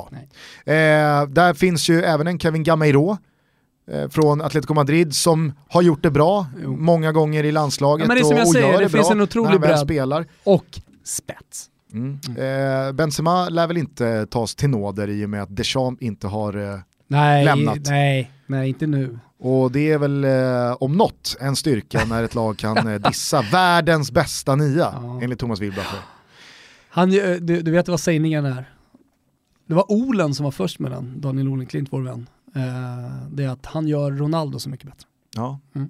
Eh, min bror Isak Dahlin, mm. eh, han eh, vill ju också mena på att väldigt få ser vilken otroligt bra försvarsspelare Karim Benzema är. Ja. Så det är en sån här liten, Jag litar på Isak. En liten tränarusp ja, ja, att se. Så är det. Ja. är det. Eh, men, eh, den spelaren man kanske är mest spännande, eller mest nyfiken på att se i det här Frankrike är ju Paul Pogba. Hur dels han används men också hur han då eventuellt ser ut att må. Om man tycker det är kul att spela fotboll. Om det blir som Didier Deschamps sitter och pratar om att vi kommer ta hand om Pogba och det är viktigt eh, att eh, vi får honom att känna att eh, i landslaget så är han eh, den kanske viktigaste spelaren för oss. Mm. Och, och, sådär. Så det blir väldigt intressant att se eh, om Frankrike måste ta hand om eh, Paul Pogba, Paul Pogba alla Manchester United eller om Paul Pogba är en annan spelare än den han har varit i United senaste månaderna. Han Vad tror är, du? Han är en annan spelare. Ja. Eh, så att Frankrike-Colombia är man ju väldigt, väldigt sugen på. Men det slutar inte där. Tyskland-Spanien. Uff. Alltså, ah. det är inte några, alltså, de här stora, stora elefanterna håller inte igen vad Nej. gäller eh, träningsspel. Nej. Och så tar man dem nu också, så det gör inget om man går bort sig lite. Så kan man ta lite lättare motstånd i genrepen. Mm. Eh, vet vilka Sverige har i genrepet? Ja, vi ska ju spela mot eh, Danmark. Danmark den 2 juni. Mm. Det känns svenskt. Mm. Vi tar Danmark. Jag tror att Danmark kommer göra, jag tror att Danmark kommer bli lite Island och kommer bli lite Colombia. Så jävla alltså, bra stämning mellan Janne, Åge och Jögga. Ja, ja, ja. Är ju, uh, han är ju involverad i, i, Danmark ihop. nu. Ja, och Wettergren. Ja, alltså, fan vad det ska jag käkas tror, Jag gillar det här matchen. danska laget, det är fan mitt lag alltså. Och sen så vet jag att det finns rivalitet med, med danskarna, så alla ni som, uh, som sparkar lite bakut här nu och tycker att jag ska minsann sitta och hålla på Danmark. Jag säger att jag gillar truppen, jag gillar vad jag ser när, när en dansk start startelva presenteras. Sköna ja. lirare. Vet du vem som är min gubbe i ditt Danmark? Sisto. Ja okej, okay. min är ju Cornelius då. Ja, mm. Sisto är min, min grabb. Eh, tillbaks bara till Tyskland, ingen Marco Reus, han mm. skadade sig i eh, Europa League här och det känns ju som att vad ska det bli av denne Marco Reus? jag vet inte hur länge han borta, har det kommit någon rapport om det? Ja, det är en ljumske som ja. eh, krånglar. Ja, det, det var ju en av de största snackisarna, nu när vi närmar oss, du var inne på det lite tidigare, så kommer ju, det kommer ju alltid någon skada, någon Falcao, någon stor stjärna som man har då sett fram emot att se ett mästerskap som kommer att skada bort sig. Mm. Nu var det väl tur då kanske för England och Harry Kane att, att den skadan kom nu och inte med en månad kvar. Jo, samtidigt så är det väl eh, absolut varningsflagg på både Kane, men Neymar ska väl nämnas där också att det, det är ju inga skador att föredra det här. Nej, såklart det inte är. Eh, sen tror jag inte att det kommer påverka i sommar ändå. Eh, men en sån spelare som alltid har ja, men du vet, gått en kamp mot klockan har ju varit Wayne Rooney. Många glömmer bort att faktiskt Zlatan Ibrahimovic har gått många kamper mot den där berömda klockan också. Mm. Eh, och kanske kan det också vara en förklaring till att han inte alltid har presterat eh, högt då. Eh, Totti? Gick en kamp mot klockan Super, 06. Superkamp och han var ju inte så bra som han kan vara 06 heller. David Beckham ja, gick kampen mot ja, klockan 2002. Där har du. Vem är det som går kampen mot klockan i år? Eh, det blir flera, men det, någon kommer ju sticka ut. Marco Reus har Falcao, ju... vad fan, gör han, gör han, ett, han gör ju ett mästerskap nu va? Nu ja. får han ju ändå ett mästerskap. Ja. Han var ju med, men eh, ah. han var ju superskadad 14. Var han verkligen med? Det var han väl inte? Jo, han, han gick en kamp mot klockan, han kunde inte klara den. Men Nej. han var med i truppen. Nej, det var han inte. Jo, det var han. Nej. Jo det var, de sände ju live ringa, från träningarna och... Får ringa till Oscar Ortiz här alltså. Det är bara han som har svarat. Han var fan med. Nej. Men Royce gick ju en kamp mot klockan han var, också. Han var med som någon slags maskot i så fall. Precis. Som Majstorovic, ja, som Daniel Majstorovic i uh, EM 2012. du får haka på. Haka på. Ja. Men vem fick inte följa med? Eh, ja men Marco Reus. Nej ja. men jag tänkte på, var det inte 2008 som eh, Alexander Östlund Ja, ja. Petades. Ja, ja visst. På telefonsvarare. Stenhård alltså. Ja. Frågan är hur det blir då med Jakob Johansson för svensk del. Maskot. Det är väl lite maskotvarning där. Kanske. Kamp mot klockan. Kamp mot klockan för att bli maskot. Han kommer ju naturligtvis inte starta i ett Sverige i, i, i juni. Det ser jag som helt omöjligt. Men ah. kanske en maskotplats. Eh, Marco Reus har ju tidigare i alla fall missat eh, stora slutspel med Tyskland på grund av skador. Mm. Och det känns ju som att Marco Reus var ju kanske den största förgrundsfiguren av alla, tillsammans med Lewandowski, när Borussia Dortmund flög som allra högst mm. för tre år sedan. Och så kände man att Marco Reus, det är liksom the next big thing. Ja. Det är Tysklands nästa bidrag till den absoluta världstoppen. Ja. Men det har ju verkligen eh, blivit grus i det maskineriet sen dess. Mycket på grund av skador. Sen så är inte Dortmund längre vad Dortmund var. I landslaget har det inte riktigt funkat, också på grund av skador.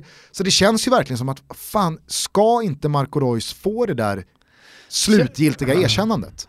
Alltså nu tycker jag det känns bara konstigt att Ma äh, Mario Götze har varit så central i ett tyskt landslag som vinner VM-guld och nu känns bara snorkall. Mm. Alltså jag, jag, han är inte så att Mario Götze är slut, men där hade jag också förväntat mig kanske en mycket större språngbräda. Eller hur? Och att han kanske till och med hade någonting mer att ge. Ja. Där det snarare var tvärtom då, utan där, där stod han på toppen.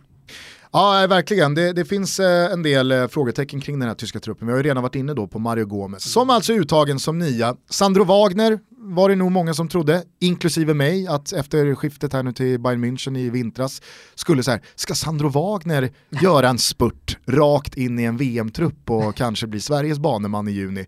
Vem vet? Nu ser det ut eh, i alla fall som att Mario Gomez är liksom Jogi Löws eh, val mm. som stor, stark nummer nio, om man nu eh, väljer att spela med en sån. Man har ju sett dem spela med falska nior, Thomas Müller centralt, eh, Mario Götze och så vidare. Så att, eh, det, det återstår väl att se eh, vad, vad det landar i. Mustafi, Arsenals eh, många gånger hyllade försvarare, inte med, petad. Mm. Eh, förvånar i alla fall mig. Mm, eh, I motståndarna här då, Spanien, så är det ju eh, kanske den eh, tyngsta rubriken att eh, Alvaro Morata inte är uttagen. Nej. Nu pratar ju förbundskaptenen Lopetegui här ändå om att eh, Morata har alla chanser i världen att mm. nå VM-truppen, men då behöver han göra... Markering. Ja, eh, alltså, samtidigt som Janne Andersson öppnar armarna och håller gruppen intakt så kan du inte riktigt jobba med de här stora landslagen, utan där måste du sätta lite press på vissa spelare för att ja. få igång dem. Ja, och jag menar, vem trodde äh, i höstas? Sen kan man i och för sig tycka att det är fel, men, men eh, det är i alla fall det normala att man gör. Ja. Och i höstas så kändes det ju verkligen som att ja, men Morata, det är inget snack om saken, det är Spaniens nummer nio till sommaren. Och vad händer egentligen med Diego Costa som satt i karantän och inte spelade och höll på att sabba allt? Nu Mm. Alltså, Diego Costa är ju ja. supergiven och Morata är inte ens med ja. till den sista samlingen innan truppen ska tas ut. Eh, Jago Aspas gör en jättefin säsong i Celta. Eh, du har Paco Alcacer, ja det är inte riktigt min gubbe. Nej. Men han finns ju där också så att ja. jag tror att Morata eh, svettas lite. Ja, han svettas nog säkerligen. Nej, men, eh, jag tänker tillbaka lite på hur, hur det kan vara då i maj, senaste mästerskapet, där flera lag då kallar trupper på 30 uppåt 40 man till och med och sen så pågår eh, någon slags gallring under tre veckor fram till det att man tar ut den officiella truppen så sent man bara kan. Mm. Eh, det, det, är ju cruel alltså. Ja. du är med där eh, och känner att du knackar på dörren och sen så får du bara beskedet. Kände du att du bottnade i cruel? Nej, det gjorde jag faktiskt inte. Fan, det, något, det gör någonting med mig att du har varit i New York. Jag ser på dig som ja men du vet, världsvan, eh, som att du har bott i New York. Det, det, det är väl alltid så, alla som åker till New York, de, de kommer hem med, med sägningen att fan man ska flytta till New York ändå. Alltså. Ja. Det finns ingen som kommer hem och är besviken på New York. Nej. Men det finns heller ingen som kommer hem och bara fan vilken trevlig helg vi har, vi har haft. Eh, och så är det fine med det. Utan man kommer ju alltid hem, är det inte så att man känner sig lite som en New Yorker när man är i New York också? Nah. Inte, jo men man går och fikar, man är ett med liksom, staden på, på, på något, är, du, är du i Rom till exempel? Ja men då är du turist i Rom. Du går och sätter dig, du, du äter med på de här rödvita vaxdukarna och tar en pasta och dricker eh, karaffvin. Är du New York då är det lite mer, du går på fik, du tar med dig coffee to go. Sorry. jag bottnar inte i det här. Nej, men någon, men, det är klart att det är en skillnad, eh, för eh, jag tror att man, eh, man smälter in på ett helt annat sätt. Ja. i en stad som New York. Jo men man vill också smälta in på ett helt annat sätt. Ja, kanske. Ja. Jag eh, skulle dock ändå vilja understryka att jag inte har kommit hem och sagt fan man ska flytta till New York. Däremot kom jag hem och sa Anton Tinnerholm. ja, den, Bra val. den karriären börjar liksom eh, mer och mer utkristalliseras som vet du vad MLS mallen. Är? Ja, faktiskt. Och vet du vad det framförallt MLS är? Nej. För en svensk det är fräscht. ja. Ja. ja. kanske har nu Anton Tinnerholm eh, visat att det här Men är den perfekta karriären. Han har spikat fast det. Jo men det sen det. kan man prata om höger... Tidigare som man liksom, var det verkligen rätt? Skulle Gustav, kan han inte lyckas i något europeiskt lag? Men mm. nu har ju MLS då blivit ja, mallen som du säger. Ja men sen är det så här, stanna i allsvenskan eller göra som Emil Kraft eller Tinnerholm. Skitsamma, Big Mike Lustig kommer ändå spela högerback i landslaget så länge han vill. Mm. Och han verkar ju inte ha några planer på att tacka för sig efter mm. i sommar. Så att då har säkert Lustig ett kval till i sig som given på högerbacken. Men kan Anton Tinnerholm, vad det lider, även nypa en bofast plats i landslaget? Då är det ju verkligen drömkarriären. Ja. Det är SM-guld, Champions League-spel, New York, landslaget. Mallen. vart var vi någonstans? Jo, vi var på Spanien. Just det. Eh, det jag skulle komma till, för att det har ju varit lite målvaktsfokus här på en del trupper. Dels i Sverige då, vem ska ta eh, manteln bakom Robin Olsen? Ska man kanske ta snacket med Andreas Isaksson? Varför är Gigi Buffon ens uttagen i Italien? Varför spelar man inte in Donnarumma när man nu har chansen? Eh, I Tyskland så är det ju verkligen så att om eh, Ter Stegen här nu gör två bra matcher mot Spanien och sen mot Brasilien, Tyskland håller ju inte igen i motstånd här, kör Spanien och Brasilien, äh, men så eh, tror nog jag att eh, det i alla fall kommer bli en konkret diskussion kring huruvida Neuer ska gå rakt in i den här elvan när han är tillbaka från skada igen. Mm. För Ter Stegen, När är han tillbaka då? Det pratas väl om april, Okej. Att han har en månad kvar. Ja, allting beror ju på vad som händer på den månaden. Alltså det man glömmer bort lite, man tänker att det här är så kort tid. Men jag tror att samlingen, eh, alltså landslagssamlingen i, i, i slutet på maj när säsongen är över, alltså det, det, det sätts där. Ser han lika bra ut som han alltid har gjort? Jag menar, eh, Klopp höll jag på att säga, men, men Löv har ju sett honom, han vet ju precis hur, hur han är när han är som bäst. Ja då är det klart han kommer starta också. Jo. Han, sta, han, han, han är ju hierarkin överst i alla fall. Fast skillnaden den här gången är ju att Ter Stegen verkligen kommer... I klubblaget ja, men det jag menar är att det kommer avgöras på träningarna. Ja, jo, kanske. Jag menar bara att Ter Stegen tror jag har en högre aktie än vad han har haft tidigare. Ja, men, och det har ju med skadan att göra framförallt. Det är klart att, att Löv också ser vad han har gjort i klubblaget. Han har väl säkerligen utvecklats eh, något snäpp. Men jag tror fortfarande som jag sa att det är nog så enkelt som att det är tisdagsträningen och torsdagsträningen som avgör. Mm. Eh, man kommer ju dessutom följa matchen mellan Mexiko och Det var Island. skönt bara när fotboll är fotboll Gusten. Det, jag känner att jag vill, jag vill dit hela tiden. Ja. Ja, det står en hink vid sidan av planen, det är väldigt varmt. Fan, jag saknar den hinken. Minns du hinken eller? Jag minns Hink. Minns du hinken? Ja. Det var faktiskt... Eh, Mattisen kom ner och så ställde han varsin hink på, på varje sida och så fylldes den på i paus.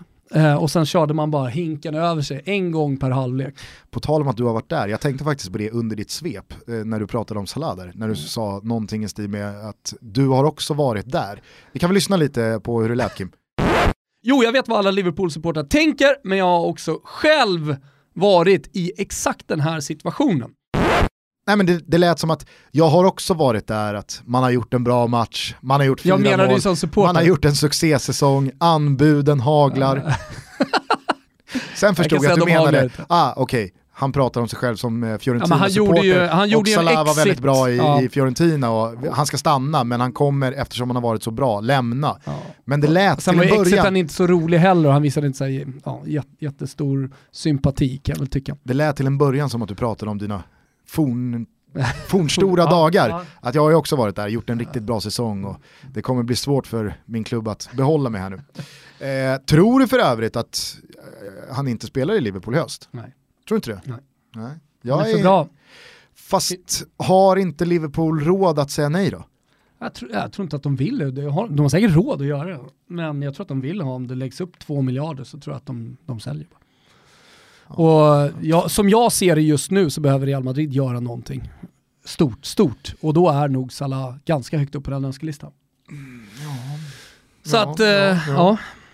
Och sen kommer det Salah- säkert bli någon jävla Neymar-diskussion återigen. Alltså, det, det jag ändå tyckte med, nu ska vi inte, jag ska vi avsluta den här podden med att vara mossiga och backa bandet i förra sommaren. Det kanske vi inte ska, men Nej, det ska så prata- mycket stora. Prata Mexiko Island. Ja, det ska vi göra. Men, men det var så många stora flyttar att jag tror att vi kommer fortsätta på den inslagna vägen även i sommar och då är såklart eh, Salah en nyckelgubbe. Ja. Ja, det blir jävligt spännande eh, och eh, se eh, vad det blir av Salah. Det är inget snack i alla fall om att han är Egyptens stora hopp till sommaren. Mexiko-Island är ju en match som man andra år inte hade kanske gått igång på sådär jättemycket. Men nu är det en match man kommer följa med eh, stort intresse, dels då för Island, för att Island är Island, eh, och med tanke på vad de har gjort senaste säsongerna så är det ju såklart att man, man har ett litet extra öga på dem, men kanske framförallt då Mexiko som eh, ingår i, i- Sveriges grupp. Precis. Där blir det ju spännande att se eh, och framförallt att lära känna det laget lite. Japp. Vad är det här för lag? Man har inte sett dem överdrivet mycket i, i, i kvalet. Det, eh, det, det ska ju ärligt säga. kan vi ärligt Ja. säga. Men man är ju Visst har man på. suttit upp i några nätter och streamat sydamerikanska kvalet, för det är ju förbannat jävla roligt. Men Centralamerika har man inte riktigt varit på på samma sätt. Nej.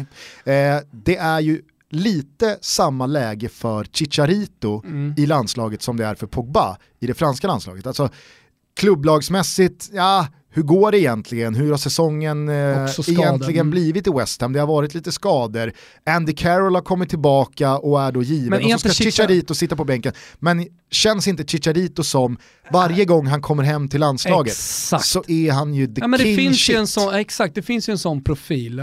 Jag, nämnde Klose tidigare, det spelar ingen roll vad som händer i, i klubblagsfotbollen, inte ens om man har haft en skadedrabbad, eh, skadefylld säsong, så kommer han ändå till landslaget och så levererar han stort. Alltså Chicharito är ju en sån gubbe också. Ja. Kommer landslaget, ja då är det leverans. Så att den matchen blir ju extra spännande att följa. Avslutningsvis då, Ryssland mot Brasilien. Jävla trist med Kokorin som drog korsbandet. Ja, jag tänkte på dig då. Vi Fan. har ju bollat upp, eller framförallt du har ju bollat upp Kokorin som, på tal om the next big thing, så, så var ju Kokorin det. 2014, och nu var det ju mästerskapet som eh, Kokorin verkligen skulle flyga, och så går han sönder. Ja. Alltså förstå vad han tänker på båren Ja. när man lyfts av. Fan. Hemma-VM, Här har du ju första är skadan given. då, även om det kanske inte liksom slår lika högt som Falcao 2014, så det här är i alla fall första stjärnskadan. Ja, och, men framförallt så behöver man ju inte ens dra igång någon klocka. Nej. Det är kört. Det är kört, ja, och det är exakt. det jag menar, att det är inte den här paniken, Var det typ inte i den här, uh, ja men var det inte så slutet på mars som, som Falcao skadades och, och det ändå gick en klocka? Nej, nej, det var Jag kan i tidigare. alla fall säga så här för att avsluta den här podden, en klocka som definitivt är på väg att ticka, ticka ut, det är ju den på Folkparkstadion i Hamburg. Ny förlust i helgen mot Hertha Berlin på hemmaplan och ja, nej, det är väl bara att konstatera att det, det, är väl- det är väl kört va? Vi konstaterar väl också, fuck Bremen. Ja, fuck Bremen. Brasilien utan Neymar, det, det, är väl, det är väl eh, det man vill se. Men det finns ju så många lirare i, på tal om liksom Frankrike, bredd och spets och alltihopa. Det finns ju mycket som helst att ta av. Ja, Hur jag, gör man med sina kineser då? kineserna? Ja, Oscar... eh, Jaha. Hörde du vad Oscar sa förresten? Nej. Det, det är ju högintressant höll jag på att säga. Det är i alla fall högst aktuellt det här som Oscar har sagt. Han säger att ja, du kan ju inte leva på, på ett VM. Jag måste ha pengar i fickorna. Alltså måste jag ha cash för att kunna överleva. Ja. Ja, så ett VM betyder ingenting. Sanningssägaren. Sa- Men sanning säger vi. Alltså det, hade han sig varit kvar i Chelsea, det är inte så att han hade gått, eh, liksom fått eh, köra som Jeppe Blomqvist, Nej. blivit pizzabagare. Ja, Ja. den eh, vägen behöver inte alla vandra. Nej, och han är liksom 26 bast. Han har en jättefin framtid i Europa. Men nu säger han alltså att VM det är ingenting för mig. Du måste kunna leva också. Ja, Det jag eh, i alla fall tänker på när jag ser det här Brasilien, det är ju att de ser ruskigt jävla bra ut defensivt. mm. Alltså vilket lag de har. De har ju i princip världsalternativ på alla positioner. Och visst, nu har Men- väl inte sett kanon ut längst fram i Brasilien på många år. Jag menar, Fiege. Han hade det ju jobbigt eh, sist det begav sig i Brasilien. Men jag menar, kolla på liksom, mittfält, försvarslinje. Ja, då har jag en ny Fjäge till exempel som, som ska gå från Shakhtar till någonting stort i England. Ja, eh, sen så är väl inte det någon Men, men eh, spjutspets. nej, men, det är eh, ingen spjutspets. Nej, exakt. Men jag tänker bara på de här topparna. William, hans karriär har ju verkligen fått en, ja men den har hittat in på den vägen som man förväntade sig att den skulle, den skulle ta. Ja. Eller hur? Ja, ja, och det blir mål och allt det där, den kompletta mittfältaren. Nu ser vi ju den äntligen. Är han ens med i truppen förresten? Han är med, Mm. eh, och det är ju bara en av alla spelare som gör en kanonsäsong Mm. och känns verkligen i toppslag. Kolla målvaktspositionen. Alltså du har Ederson från Manchester City som har gjort en strålande säsong och sen så kommer Allison från Roma. Jag, vet du, jag har länge varit tveksam kring Ederson. Alltså inte hans kvalitet, Alltså, men, men jag har undrat om han är portugis eller brasse. ja, okej. ja, nej, han, är, han, är, han är Är brasse. det bekräftat brasse? Bekräftat brasse. Nej men eh, längst fram då, då så har du ju, till skillnad från tidigare år, så har du ju en Gabriel Jesus som kommer hinna tillbaka och hinna in i form Oh, efter sin skada. Han känns ju superspännande. Firmino gör ju en strålande säsong i Liverpool, det är inte bara Salah som ska ha all cred där. Tyson tycker jag ser riktigt bra ut i Shakhtar också, på tal om mm. Ukraina-brassarna som alltid eh, kommer men, in och överraskar. Douglas Costa, ja, hur han, fin ser inte han nej, ut i Juventus för tillfället? Så att jag menar, offensivt ser det riktigt bra ut och då ska vi lägga till en Coutinho som man kanske glömmer ja, bort lite. Men bakom honom i någon slags skydd så finns ju Casemiro i Real mm. Madrid, du har Renato Augusto, Fernandinho, mm. Fege och Paulinho. Mm. Alltså det är mittfältet. Hallå där. Mm. Felipe Luis, vänsterback i konkurrens med Marcello. Ja, det är ju det är inte Augustinsson, Martin Olsson. Får man ju säga. Marquinhos, Miranda och Thiago Silva. Hyfsade mittbackar att välja på. Så att jag menar, det är, det är, det är ett Brasilien som ser ruskigt jävla i? bra ut. Jag tror att de står runt sex. Går man in och plockar nu va? ja, nej, det blir eh, riktigt roligt att sparka igång den här... Eh, nej, det blir fräscht. Det blir fräscht, nej men det känns ju verkligen som att nu nu börjar i alla fall ja. grunden för VM läggas. Nu, nu börjar man, komma, man, man börjar ta sig in i VM-bubblan. Ja. Fan vad kul det ska bli. Verkligen. Och då har vi inte ens kommit in på Nej. Sveriges match mot Chile Nej. som är på lördagen. Men det tar vi med Ponne. Det tar vi med Ponne som eh, gästar oss lite senare i veckan. Det ska bli jävligt roligt. Eh, det blir också kul med upptaktsträff i morgon. Mm. Och få lite mer eh, matig info från alla lag inför allsvenskan. Då. Så att, eh, härliga tider, snart så lägger vi den här vintern bakom oss, blickar framåt, det är vår, det är... Det är fan sommartid i, i, på söndag också, i helgen. Ja, det är fan cruel. Ja. det är fan cruel.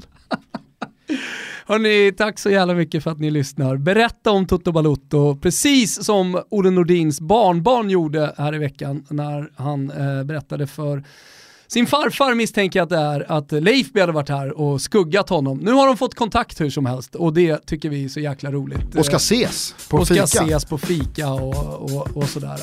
Eh, sprid vårt gospel, fortsätt lyssna. Ciao tutti. Ciao tutti. Yeah, yeah, I'm out at Brooklyn. Now I'm down in Tribeca, right next to the Narrow. But I'll be hood forever. I'm the new Sinatra. And since I made it here, I can make it anywhere. Yeah, they love me everywhere. I used to cop in Harlem. All of my Dominicanos right there up on Broadway. Pulled me back to that McDonald's. Took it to my stash spot, 560 State Street. Catch me in the kitchen like a Simmons whipping pastry. Cruising down A Street, off white Lexus. Driving so slow, but BK is from Texas. Me, I'm out that bed stop home of that boy Biggie. Now I live on Billboard, and I brought my boys with me. Say what up to Tata, still sipping my top, sitting courtside. Knicks and Nets give me high five. Nigga, I be spiked out. I could trip a referee. Tell by my attitude that I most definitely from.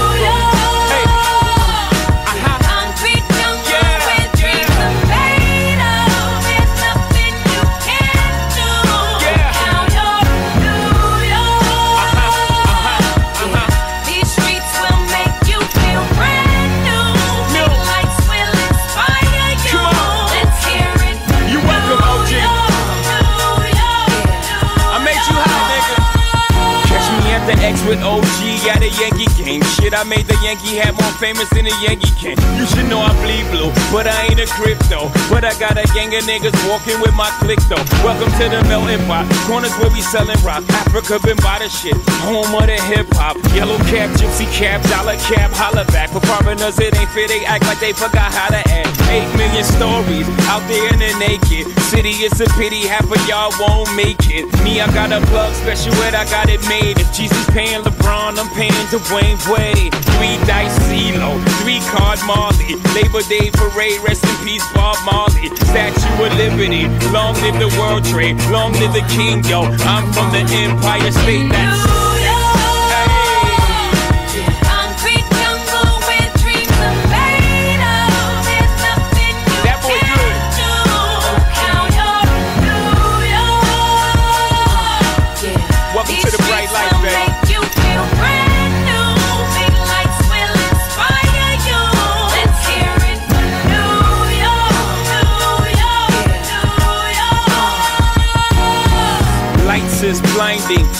the blinders so they could step out of bounds quick. The sidelines is lined with casualties who sip the life casually, then gradually become worse. Don't bite the apple eve. Caught up in the in crowd. Now you're in style. And in the winter gets cold, in vogue with your skin out city of sin, it's a pity on a whim. Good girls going bad, the city's filled with them. Mommy took a bus trip, now she got a bust out. Everybody ride her, just like a bus route. Hail Mary to the city, you're a virgin. And Jesus can't save you, life starts when the church in. Came here for school, graduated to the highlight. Ball players, rap stars, addicted to the limelight. Empty and May got you feeling like a champion. The city never sleeps, better slip you an ambient.